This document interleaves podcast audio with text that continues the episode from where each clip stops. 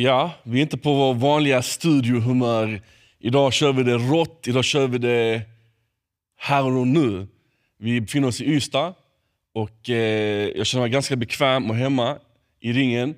Men jag tror någon annan som sitter bredvid mig som har varit ett heltidsproffs och typ har bott i en ring, kan man väl påstå, så mycket som han har tränat, är Armand Kranch.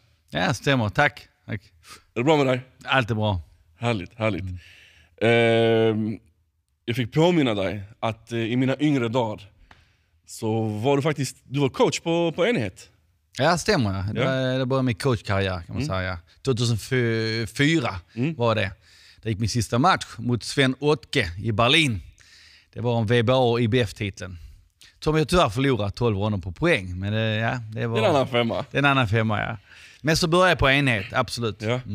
Jag minns ju, jag var, jag var liten, men jag minns ändå man blev drillad på många olika sätt och vis. Disciplin var en av dina...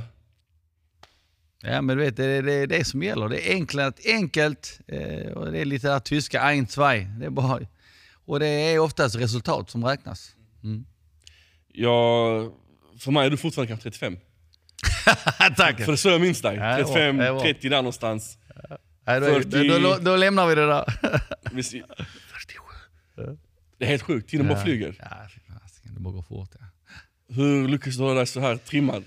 Nej, Jag håller igång med gymmet här ju nu, Ystad och ja, jag håller igång eh, alltid. Eh, träning är en del av min vardag. Och det är... Sen har jag boxarna som håller igång med oss och samtidigt några proffsboxare och jag har eh, massa motionärer, ungdomar. Ja, så det håller mig igång. Eh, sen har jag även eh, fritidsgården som jag samordnar på i Tummelilla. Håller- ungdomarna håller igång hela tiden så man liksom får vara på sin vakt. Och, så att, eh, ja. Vill någon testa dig ibland av ungdomarna? Nej, nej, det, det, det, de skojar lite ibland. Ja, det kan de göra så. Va? Men eh, de vet nu så att eh, vi är på en lagom nivå. Va? Så att, ja. Mm. Jag kollade upp, jag visste inte om detta, men du, alltså boxning är inte det första du har sysslat med. Nej, det stämmer. Nej. Svart bälte i karate, Ja. bland annat. Karaten och shotokan-karate, det är olika stilar. Och sen var det i taekwondo, VTF eh, och ITF tävlar jag och tränar i. Och lite kung fu, eh, Shaolin Wushu heter stilen. Eh, och sen såklart så blev det kickboxing också. Kickboxning. Där gick det rätt så bra faktiskt. Både light kontakt, där blev jag svensk mästare och sen var det full kontakt kickboxing, jag är nordisk mästare och EM4 då där. Ja, så gick bra. En kort karriär där så ville prova lite. Alltså de här olika kampsporterna signalerar för mig en jävligt duktig MMA-fighter. Inget du tänkte på då att du ville testa? Nej, inte då, men eh, sen när det kom många som har eh, frågat mig om jag skulle vilja coacha och det är en del av dem jag har mött också i, i ringen. Va? Eh, eh, Alexander Gustafssons tränare har jag också mött i kickboxningsmatch till exempel. Ja. Eh, men så att jag har liksom, jag, jag, har inte haft, jag hade inte tid och då var det boxning. Jag, jag, det var det jag sysslade med, jag coachade boxningen och byggde upp föreningen på enhet då där. Och så min egen förening här i Ystad. Uh, alltså jag hade inte liksom tankarna. Va? Men uh, tankarna är liksom nu lite mer att göra training camps och lära lite handtekniker. I och med att jag har den här bakom med alla sporterna. Och då är det, för mig, jag ser det på ett annat sätt. Jag ser uh, övningarna och rörelserna på ett annat mönster än vad annan tränare ser. Och, eh, och det har jag en fördel till. Och det, eh, det tycker jag är kul. Låt oss gå tillbaka då. Så vi, vi har fattat att boxning var inte det första du gjorde. Du har gjort alla sporterna du nämnde. Varför fastnade du för boxningen? Det var ju ett sätt att testa sig. Man verkligen fick... Man blev straffad om man gjorde fel eller man tränade dåligt eller, eller att man... eh, Man kopplade av för en sekund. Det var ingen, det liksom, jag kunde inte passa bollen till en annan. Ah, eh, ta du, gör du mål. Man fick själv ta ansvar för vad man gjorde. Gjorde jag fel så fick jag skulden. Jag har ingen annan att skylla på. Jag kan skylla på mig själv. Jag har ingen annan att skylla på. Men ändå så hittar man ju, eh, domarens fel, sa man. Ja. Eh, men det är ju en, ens eget fel. Och jag gillar ju hela tiden att utveckla mig. Och boxning var ett sätt att testa i gränserna. Om jag, om jag ville träffa till exempel av ett enkelt slag, då filosoferar, filosoferar jag, hur ska jag flytta mig? Hur ska jag göra? Vad ska jag för övning för att inte bli träffad igen av den slag? Hur ska jag göra? ett anfall, eller hur? Så jag hela tiden studerade och gick tillbaka och tränade och eh, hela tiden mata in det. Så det satt så det blev som ett muskelminne. Så nästa gång den jabben kom, ja men då, då var jag inte där, då gjorde jag en motattack. Ja, och så ju mer matcher du gör och ju mer sparring, ju mer olika sporter du har, ju bredare kunskap har du i din portfölj, som man säger i företag. Ju bredare erfarenhet har du. Och allt det har jag byggt upp under årets lopp. Och det, det totalt slutade med en 750 matcher i alla kampsporter tillsammans. Mm. Eh, Varför det, just boxning? Varför just boxning? Varför fastnade du för det? för det, det, det var ju mycket fokus på ögon, du kan inte, I kickboxning kan du på något sätt gå in och hålla, eller thaiboxning, du kan på något sätt eh, du kan hålla, du har någon liten paus. Eh, I boxning är det tempo nonstop. Pausar du, då säger, då säger ju eh, domaren att du måste fightas, va? eller så stoppar du matchen. Det är liksom ingen paus. Eller så får du en smäll som får dig Jag vaknar ja. Nej, men det, jag gillar att det var on the edge hela tiden och det, och det passar mig och det, det gillar jag. Det var tempo. Ja. VBO, vi måste gå in på den. Du har försvarat titeln fyra gånger. ja. Fyra gånger, ja. Stämmer ja. Vilken av de fyra gångerna smakade bäst? ja. Det, det är en svår fråga, men det var ju speciellt när man vann VM. Ju. Det var Jason Matthews i Lübeck. Den, den, eh, den, var, den var bra. Där började resan så tänkte jag nu är det dags. Nu vill jag ha ett bälte till. Så det, det, det, det var skönt. Och hela, hela historien, hur jag fick den matchen av en... Hela historien, bakgrunden på Varför allt. vi är här, vi vill höra. Nej, den, nej, det har vi inte räcker inte tiden till. Men det, den, eh, den var bra, så det, det var en eh, fantastisk upplevelse. Sen såklart den här omtalade matchen mot Paolo Roberto. Mm. Så den ville vi såklart, den ville jag ha så länge, så många år. Men eh, eh, äntligen fick jag den. Så den, den matchen var ju också skönt att den blev av. Eh, så det, Snart eh, 20 år sedan kanske, den fighten mot Paolo. ja, det var Närmar sig 20 år. Ja, det närmar sig ja. Mm. Som sagt, tiden flies. En rubrik eh, som eh, jag fastnar för. Misshandeln av Roberto, på gränsen till skandal. Har du läst artikeln? Ja, Du jag, kommer ihåg det? Jag Ja. kommer inte ihåg allting, men vissa artiklar har jag läst. Men det, det är som sagt det är artiklar och det är media, hur Mm. de vinklar det. För att sälja rubriker och sälja tidningar. Så att, ja, misshandel var det väl inte. Det, det, då hade vi stoppat matchen. Va? Men, eh, visst, eh, träffade många slag, men det var inte de här rena, perfekta slagen. För då, är det ju, då hade han blivit knockad direkt. Och sen hade han en eh, järnvilja av stånd, så att, eh, han gav inte upp. Och det sa han innan till, till median, han ville inte gå ner. Han skulle stå alla rundor. Och det, det, det får ge han att det, det gjorde han. Va?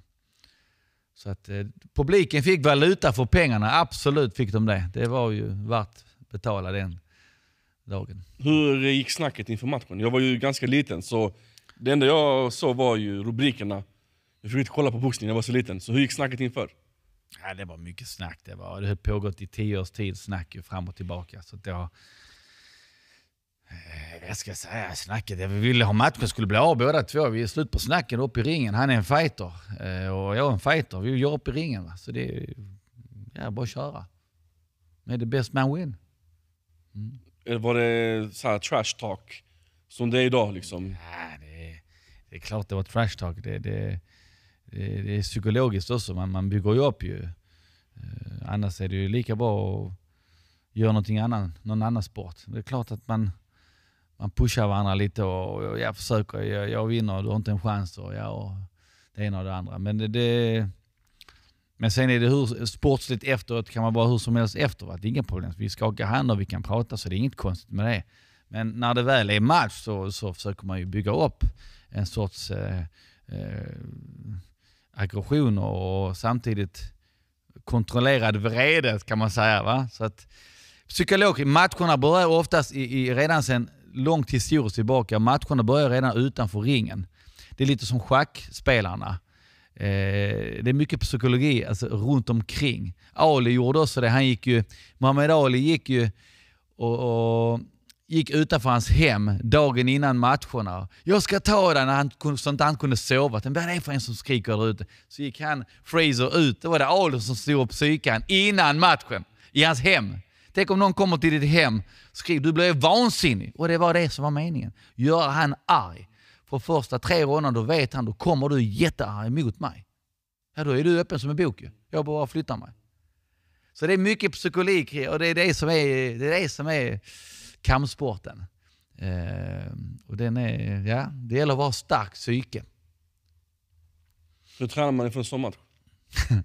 ja, det byggs upp under, under, under alla år och sen är det alla träningstimmarna och med coach och alla mentalt, eh, man ska ha mentalt förberedelse på det sättet. Och träningen, de, idag till exempel, är de flesta motionärer nästan mer fit än, än, än fightersarna. Alla motion, det är mycket träningshistorik, så alla tränar ju eh, Ironman och, och det ena efter det andra Toughest och allting. Va? Så, att, eh, så motionärerna är rätt så fit, va? men, men den mentala biten glömmer man. Det, det är liksom, I boxningsringen är, det hjälper inte hur stora muskler du har eller hur tränad du är, det är mycket mentalt.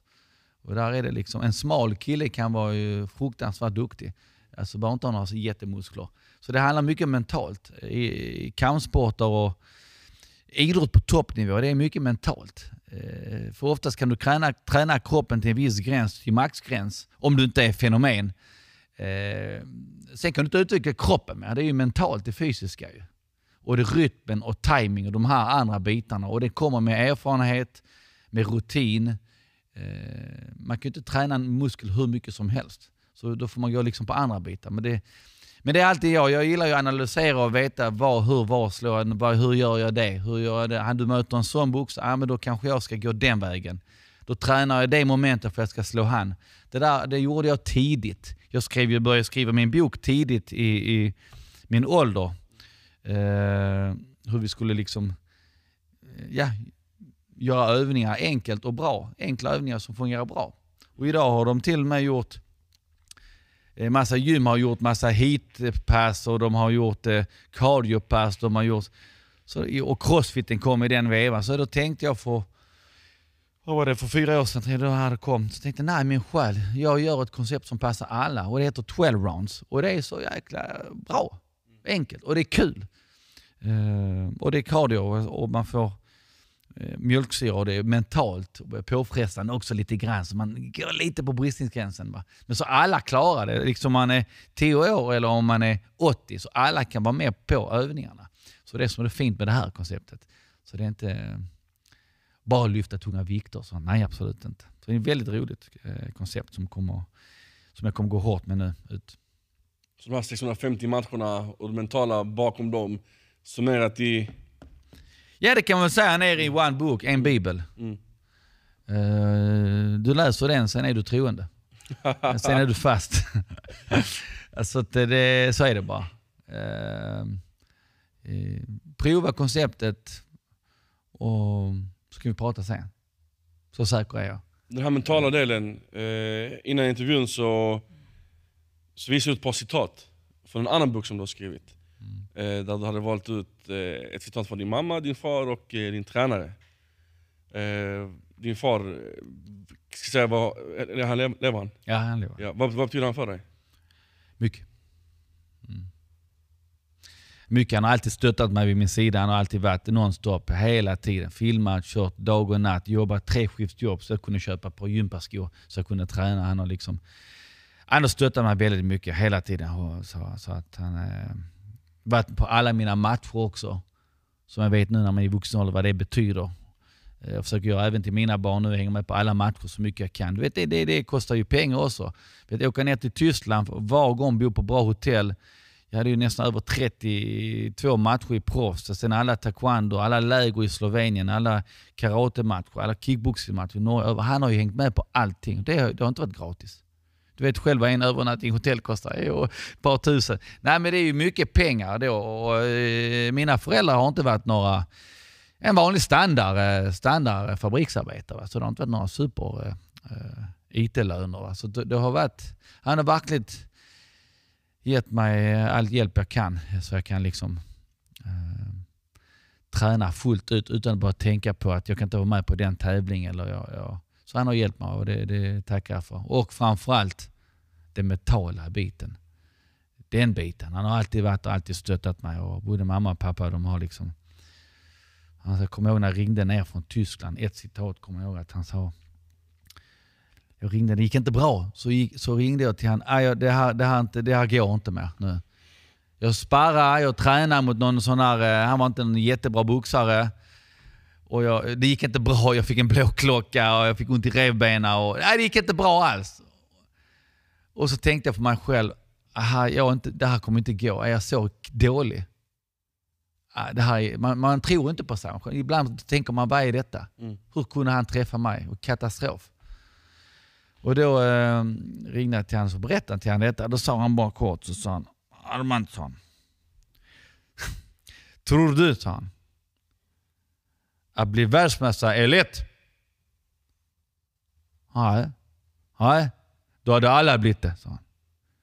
Imorgon, träna hårt och kommer och bli bättre.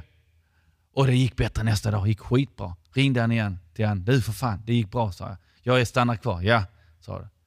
Du har tålamod, sa han. Det är inte lätt. Kommer gå och få jobba hårt. Och han hade rätt. Va? Mm. Men många gånger ibland tror man, alltså, många gånger kan man tvivla på sig själv ibland. Va? Eh, och det, det, då gäller det att ha eh, antingen eh, någon bra, bra som stöttar en, bra person. Bak, bakgrunden är jäkligt att ha någon som stöttar en och tror på en. Och vem är det som tror på en om det inte är mamma och pappa från, från sina barn? Va? Det var stöttning, någon gång en press. Aldrig någonsin press. Jag har bara pressat mig själv. Så jag har ju aldrig någonsin, någonsin... Eh, nej, nej, nej, aldrig. De sa ju, så länge du eh, tycker det är roligt, vi stöttar dig vad du vill. Men så länge du tycker det är roligt och du tycker det är allvar, eh, då stöttar vi dig vad vi kan. Vad vi hjälper dig. Pappa sa, jag jobbar och jag hjälper dig vad jag kan. Så länge jag ser att du brukar allvar och du tycker det är kul, så är det upp till dig, sa han. Men vill du bara göra så det är roligt, inte satsa, då är det hobby. Då är det hobby. Då är det en annan sak. Då kan du inte säga eh, hej, jag blev tvåa, jag blev trea, äh, det är inte fel på domare, det var fel på det. Då är det hobby. Då har du inte satsat 110 procent. då är det bara 99%. Du får välja vad du vill, sa han. Ja, ja, jag vill satsa. Nej, bra. Eh, jag har haft många diskussioner. Många diskussioner. Jag har en diskussion med min mamma, kommer jag ihåg. ja, hon, hon, hon skrek mest alltid på matcherna. Hon skrek och gal och, och vad hon skrek. Hon gillar ju inte boxning, va? men, hon, men hon, hon skrek och hördes mest. Alltså. Pappa var tyst. men hon... Eh, jag kommer ihåg ett SM, jag kom från Gävle, kom hem. Jag stoppade in ett sånt här videoband. Kom, jag skulle jag se min match, skulle visa min mor och säga Titta här, jag, jag, jag boxar bra. Jag, jag tror jag kom tvåa då tror jag, på ett SM. Eh, och då eh, stod jag lite i närmare en boxare som kallas, det kallas clinch. Exakt. Ja, och då sa hon sa hon. Vad gör du? hon. Ja, men det är clinch, sa jag. Vad gör du? Vadå clinch, sa hon. Varför står du så? Är du trött? Jag är inte trött. Ja, men du vilade ju. Men, sa jag. Man måste gå in i clinch, vila lite så. Du får träna mer. Du får bättre kondition. Och jag tog ut det där kassettbandet från videospelaren och jag kastade det bandet rätt in i väggen. Tog, tog på, jag kommer ihåg det som igår. Tog på min träningsoverall. Det blåste och regnade den dagen i Landskrona. Jag tog på den jävla overallen. Klockan var halv tolv på natten. Gick ut, jag sprang hela Borsthuset. Jag var borta i en timme. Och jag sprang mot det jäkla molnet. Det blåste moln, det stormade. Jag tänkte, blås, blås, I'm still standing. Du blåser inte ner mig. Kom igen, blås! För jag ska ha kund. Nästa gång ska jag aldrig bli trött. Aldrig mer bli trött! Finns inte clinch. Jag ska slå tills the referee stops. The referee ring. Då stoppar jag. Jag ska inte stå där och hålla och hålla och clincha. Clincha, du gör bara de som är trötta. Jag ska box. Non-stop. Never stop. Only referee can stop the fight. Ja. Och sen dess dag har jag bara tränat hela tiden hårdare än alla andra. Jag ska aldrig dö på kondition. Aldrig! Så. Vet din mamma hur mycket Tack. det samtalet betydde? Ja. Nej, det vet hon inte. Så att... Eh, så arg blev jag. Ja. Och det sitter fortfarande i mig. Eh, clinch, visst kan man göra lite så när man blir proffs en par gånger, men helst inte. Helst fightas. Boxa dig ur det. Gå inte clincha. Jag är här för att fighta. Jag är här för att make show. Jag är här för att boxas. Jag är ingen fake boxare, ingen fighter. Jag ska fightas. Jag ska köra. Jag krigar Folk betalar pengar för att se mig. Then I gonna fight. Vaknar upp på lejonet. För helsike! Vila, clinch! Finns inte på kartan! Back in the bag, work! Jobba, hör fan av dig på säcken. Jobbar du inte på säcken, hur ska du göra i ringen? Ska du andas som en flodhäst? Ut! Spring! Det var det jag fick order om. Och jag älskar det. Jag älskar det. Likadant när jag blev proffs. Fy fan, tränaren cyklade efter mig, skrek. Jag höll på att krypa upp från backarna i 30-40 graders värme kommer jag ihåg. Jag orkade knappt gå på backarna. Fick inte vatten för jag skulle gå ner i vikt. De cyklade efter mig. Marsch! Gör det är EM snart. Vad vill du? Bli två eller etta? Jobba! sa han. Jag bara jobbar hårdare, hårdare, hårdare tills man kommer in i en helt sån annan twilight zone när du är en hel dimma. Du tror du är någon annanstans. Du tror du är overklig. Och det känns så skönt att vara i den dimman. Jag saknar tillbaka den dimman. Ha någon som pushar en i piska. Det är helt underbart. Det är därför folk kommer hit här. De vill höra en röst, en coach. De vill höra någon säga tio kvar! Inte bara liksom på YouTube. Beep, eller, beep, beep. Ja, men det är klart man får sådana veckor i livet. Ja, ja. Folk älskar och därför är det så mycket folk också på gym och, och, de här kampsportsklubbarna och eller fotbollsklubbarna. Det- Man, man hör någon, som, någon coach som peppar en, man blir sedd, man blir hörd. Eh, och det blev på något sätt min. Jag blev sedd, jag blev hörd, coachen. Man, man älskar ju, det gör vi alla. Vi alla älskar en fighter. Vi alla älskar de som jobbar hårt för någonting. Ja, det är väl klart man gör ju. Det är naturligt. Ja. Man inser hur mycket dina föräldrar betyder för dig, för din passion bara sticker upp i taket. Har ni haft konversationer i efterhand, du och dina föräldrar, och när ni blickar tillbaka på din karriär, liksom, har du fått höra orden som alla vill höra? Att ens föräldrar är stolta över en? Ja, de har ju sagt absolut. Eh, men eh, ja, som sagt, det är en resa. Så att föräldrar är föräldrar. Jag vet själv, jag har tre barn. Man, är, man, är, man har ju barn och man gör ju allt för dem. Va? Absolut. Va? Och det, det, eh, jag har många historier, jag kan inte sluta. Den här podcasten hade varit evighetsmaskin. Men vi, vi hade, jag har många roliga historier där vi kan skratta och gråta tillsammans. Men det, det, det får vi bjuda på en annan gång. Nu är det, nu är det konceptet, det är det 12 round, det är det jag ska få ut. Jag ska utbilda coacher, certifierade tränare. Har lite gym runt omkring. Eh, det är på väg eh, och det är det jag kommer satsa stenhårt. Och där kommer jag vara och hjälpa till de här coacherna så de blir de ledande figurerna i 12 round. Jag kommer stå 100% bakom Få nya små, små eh, eller unga, yngre tränare som kan ta vidare och iväg och peppa dem till max och de ska bli riktigt duktiga coacher. De ska få det bästa, det bästa av det bästa. Alla mina, alla mina erfarenheter och kunskap, allt det ska förmedlas till de här eh, tränarna. För jag kommer stötta dem till max. Eh, och nu när det finns sådana här Facetime och hemsidor och allt så kommer jag ha alla kanaler öppna till dem. Så det ska bli väldigt, väldigt kul ska det bli. Eh, och kunna förmedla det ut. Absolut. Och sen även såklart fightingklubbarna, eh, kampsportsklubbarna. Vi får ner på att göra lite här i Ystad, eh, kunskapen som vi har här i hela klubben. Men framförallt göra training camp för händer så alla de här eh, fighters inom alla olika sporter, eh, MMA, eh, UFC, så de får lära sig handteknikerna på rätt sätt eh, som man kan använda eh, i UFC. Inte bara de här handslagen. Man ska användas liksom på ett bra sätt man kan kombinera med fötter och händer. Och allt den, eh, jag skulle vilja gärna gö- göra lite sådana här camps. Jag har vi snackat om så många år, men nu, nu, nu, är, nu är jag där. Så att eh, tiden är där nu på ett annat sätt. Så det, det ser jag fram emot. 12 rounds är ju baserat på boxnings, alltså en match är ju 12 rundor. 12 rounds, yes. 12 ronder. Det är tre minuter en gör man en övning, sen vilar man en minut. Eller man gör rättare sagt tre övningar, det är uppdelat på tre. Mm. Eh, och vi kan gärna prova eh, en tre minuter. Så ska du få se. Jag svettas av att sitta ner, han vill att jag ska göra en övning också. ja, ja. Eh, och sen, eh, ja. sen när man har gjort tre minuter så har du 11 ronder kvar. Såklart. Det tar minut för minut, minut för Ja. minut. Nej, man kan dela upp det. Det kan vara sex ronders, det kan vara åtta ronders. Det behöver inte vara 12 ronder alltid. Det är 45 minuter träning. Man kan göra det idag eh, 16 minuter eller 18 minuter. Va? Eh, så gör du nästa dag något annat. Då. Så att, absolut. Och så kombinerar man det med material eller utematerial och så till och med med säckar också och parövningar och alltihopa. Allting är, det är lite stationsträning kan man kalla det. Va? Eh, så har jag ju, ja, tagit fram det. Enkelt och det är ja, enkelt och enkelt. Det är ju väldigt bra utstuderat med tider och allting. Men när man gör övningar så verkar det ju lätt, men det är ju planerat bakom allting. Det här är ett sätt att göra business på nu, efter din karriär. Men under din karriär så var ju din business din boxning. Yeah. Och eh, rent ekonomiskt sett, vi vet, jag behöver inte ha några siffror. Men hur var det att klara sig rent ekonomiskt som, som ett heltidsproffs som boxare då?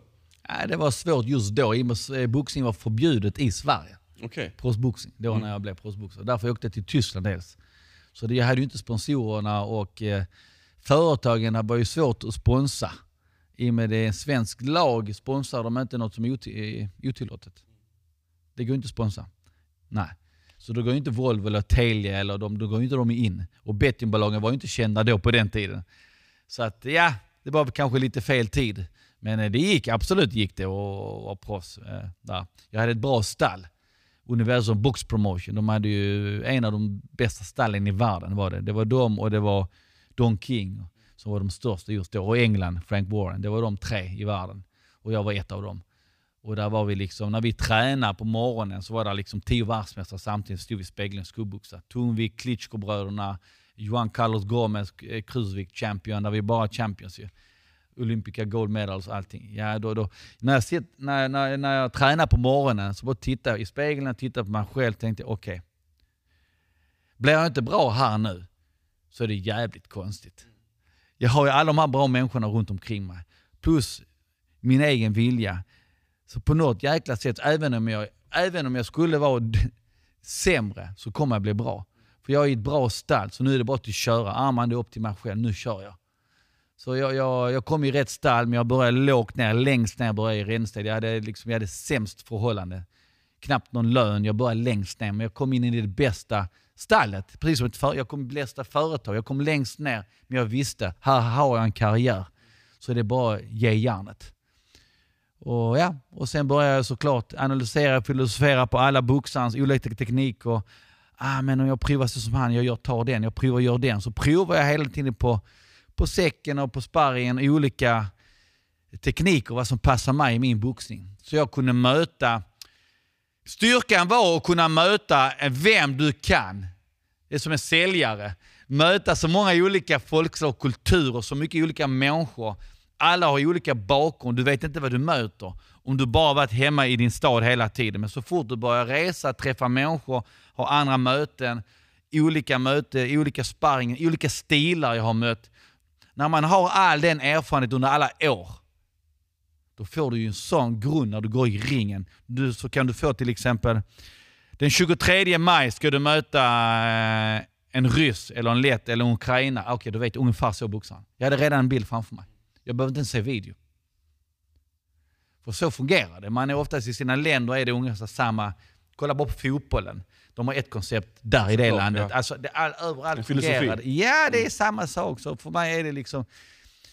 Ja, det är en cirkel slutet. Oftast är det samma grej. Men ju mer du har i boxen, i bagaget, ju mer kan du erbjuda. Och tyvärr... Eh, tyvärr och tyvärr, det kommer med åldern. För det kan du inte få riktigt när du är 18-20 på det sättet. Då lever du mycket på talang. Du kan ju inte ha den erfarenheten, det finns inte på kartan. Liksom. Så att... Eh, så det hade jag med mig till Tyskland och så bara fortsatte jag där och bara ta så mycket kunskap jag kunde. Tills jag väl får chansen. Och när jag väl får chansen, då ska jag vara beredd och då ska ingen ta den från mig. Det, det är som en hund, när du väl fått eh, motståndaren eller bytet, då släpper inte jag bytet. Då har jag, jag har den i hörnet. den är min. Du kommer inte in där, för då äts du. Där är, här är jag, jag är redo nu. Du kommer inte väck från den hörnan, jag har dig i hörnan. Oh, Vänster, du går, där är du, du är min. För jag har tränat för detta så många år. Så det, ingen tar det från mig. Nej. Så tänkte jag då när jag stod där. När eh, tog du det här steget från amatör till proffs? 96. 96. September, oktober 96 tog jag det steget. Och det, jag ville ta det steget långt innan men ja, det blev som det blev. 96 tog jag steget. Eh, provträna eh, i Tyskland och fick de testade mig där i två veckor med alla möjliga. Och, ja, det var ju eh, kul tyckte jag ju. Eh, och så står det väl någonting att jag hade någonting i ögonen, glimten. Har du ögon, har du glimten i någon personlighet eller någon person, då kan man alltid bygga resten. Kondition, eh, rytmen, timing, stilen. Om det är en lång boxa eller kort, ja då bygger du den stilen. Man kan bygga, det är som en lera du bygger. Ja. Och det, det, det, kan man, det kan man jobba sig fram till. Men har du inte blicken där och ögonen, blicken, vet den här, är inte den där, och den, då är det svårt. Mm. Då är det liksom, det kommer ta stopp snabbt. Så du måste ha den här blicken. Och frågan är, det är någonting som jag tänker på idag. Du vet ju inte hur länge den personen, det är olika personligheter, hur länge har han den blicken, den hunger? Hur länge behåller han den hunger? För det är det, de här unika fallen, Muhammad Ali, eh, eh, Mike Tyson, Michael Jackson, Madonna, Beyoncé, Whitney Houston. De här unika fallen, de, liksom, de håller inte ett år. Vi snackar om två, tre generationer på topp. Då är det någonting unikt. Då är det inte bara att det är tur. Då är det någonting som ligger i naturen. Och sådana personer, de, de, det, det, det är inte många. Tiger Woods, det är något som händer i kroppen. Va? Eh, och den blicken, eh, och kunna behålla den i så många år och vara på topp och leverera hela tiden. Det är unikt. Det är inte många som kan det. Oftast vinner de ett VM, två VM, sen är det slut.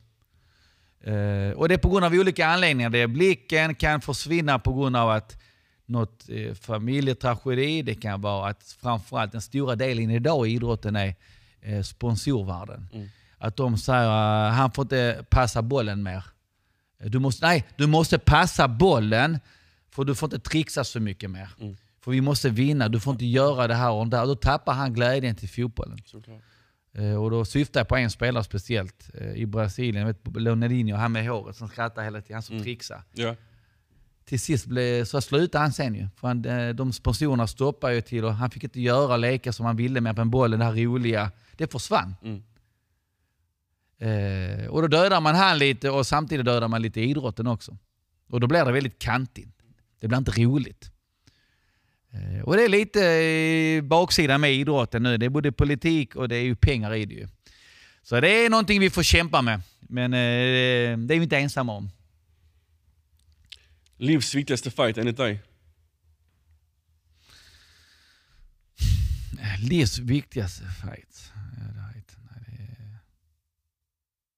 Vilken fråga. Det var väl alla mina fighter. Det, alla fighterna är viktiga. Jag kan inte säga en. VM som den första. Eh, det, det, alla mina fighter, från kickbox i Norge, från där till den. eh, viktigaste fight. Vilken fråga. Jag har inte kommit till den än. Jag är hungrig fortfarande. Viktigaste fight är nu att jag ska bevisa en gång för alla. 12 rounds is here. Och det ska hela världen. Det, det är min viktigaste fight just nu. Det är det. Den här blicken du snackar om, som man har haft i... Man är unik om man har den i två, tre generationer sa du. Om man lyckas ha den så länge. Du, din blick skrämmer skiten ur mig. Come on man! Come on. Vems, vems blick, om du, om du ska gå god för någon, vem anser du har blicken just nu som tror kan bli någonting i, i boxningsvärlden? Oh, det, det, det, Tyson Fury, han är lite flackande blick, men den är där ändå när han vill. Men sen har vi ju Canelo-blicken och, och de här eh, Golovny, alltså de, de har ju... Eh, de är, de blicken är ju helt fokus, den är låst. Liksom. Ska du slå dem så är det på teknikmässigt. Det handlar inte om blick. Det handlar bara om right movement, att du är på rätt plats, puff, ner, så du träffar rätt slag. De har ju blick båda två, så det är, det är därför det är kul att se sådana matcher. Men oftast ibland, ren idrottsmässigt, i all idrott, har du två sådana fighters, om jag ska lägga det negativt, eller två stycken lag som har båda blicken och det blir 1-1 eller 1 så kan matchen bli tråkig. Mm. Så det är roliga ibland att ha en som är lite nästan på nästan har den där blicken och är jävligt hungrig, duktig på alla sätt och vis. Och så har den andra som har det lilla extra. Då blir det jäkla bra matcher. Då blir det roligt. Det är inte ofta två stycken som har rejält. Då har de båda två som dels ett, respekt för varandra. Despo, de vågar inte öppna sig eller ett anfall för du vet inte vad som händer. Passivt. De, ja, det blir, oftast kan det bli lite negativt rent showmässigt. va.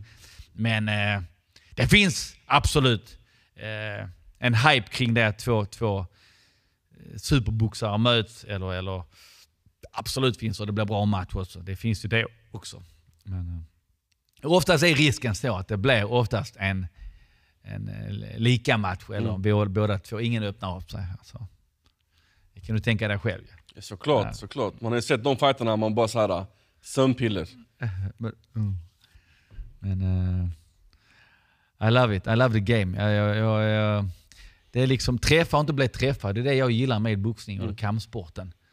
Träffa och inte, och inte, hitta lösningar hela tiden. Lösningen, var ska jag gå, vilket håll? Vänster, höger. Han sänker blickarna, bra då kan jag lägga kroken där. Ja. Sånt har jag sett nu på äldre år, det bygger ju fram. Och det räcker om man säger ett par, två, tre ord i ringhörnan som man hört boxaren säga. Åh, det fungerar ja. Jag ser det på ett annat sätt utanför ringen nu. Eh, och det tar jag med mig. Och även när man tränar boxare så kan man ju träna, alla boxare tränar på lite olika sätt. Men eh, vissa grundsaker är samma här hos mig. Som jag tar med på mina fighters. Med garden och med rörelse runt och sidoförflyttningar. Och det, de här har jag förmedlat till mina fighters. Och de tar vidare till sitt sen. Och gör eh, på sitt sätt. Men den grunden är jag glad att jag kan ge. Och den, den har faktiskt varit bra. Sen resten kan man ju inte ge alltid till alla fighters. Jag, Tyson kan ju inte med, ge mig hans hunger. Jag kan ju inte ge, alltså det, det är personligheter vi Såklart, pratar om. såklart, det är någonting annat. Men man kan ju hjälpa till så mycket man kan till en idrottare. Så mycket man kan bredvid. Så att du är mentalt, fysiskt redo. Men att göra jobbet, Du själv bara. det bevisar själv.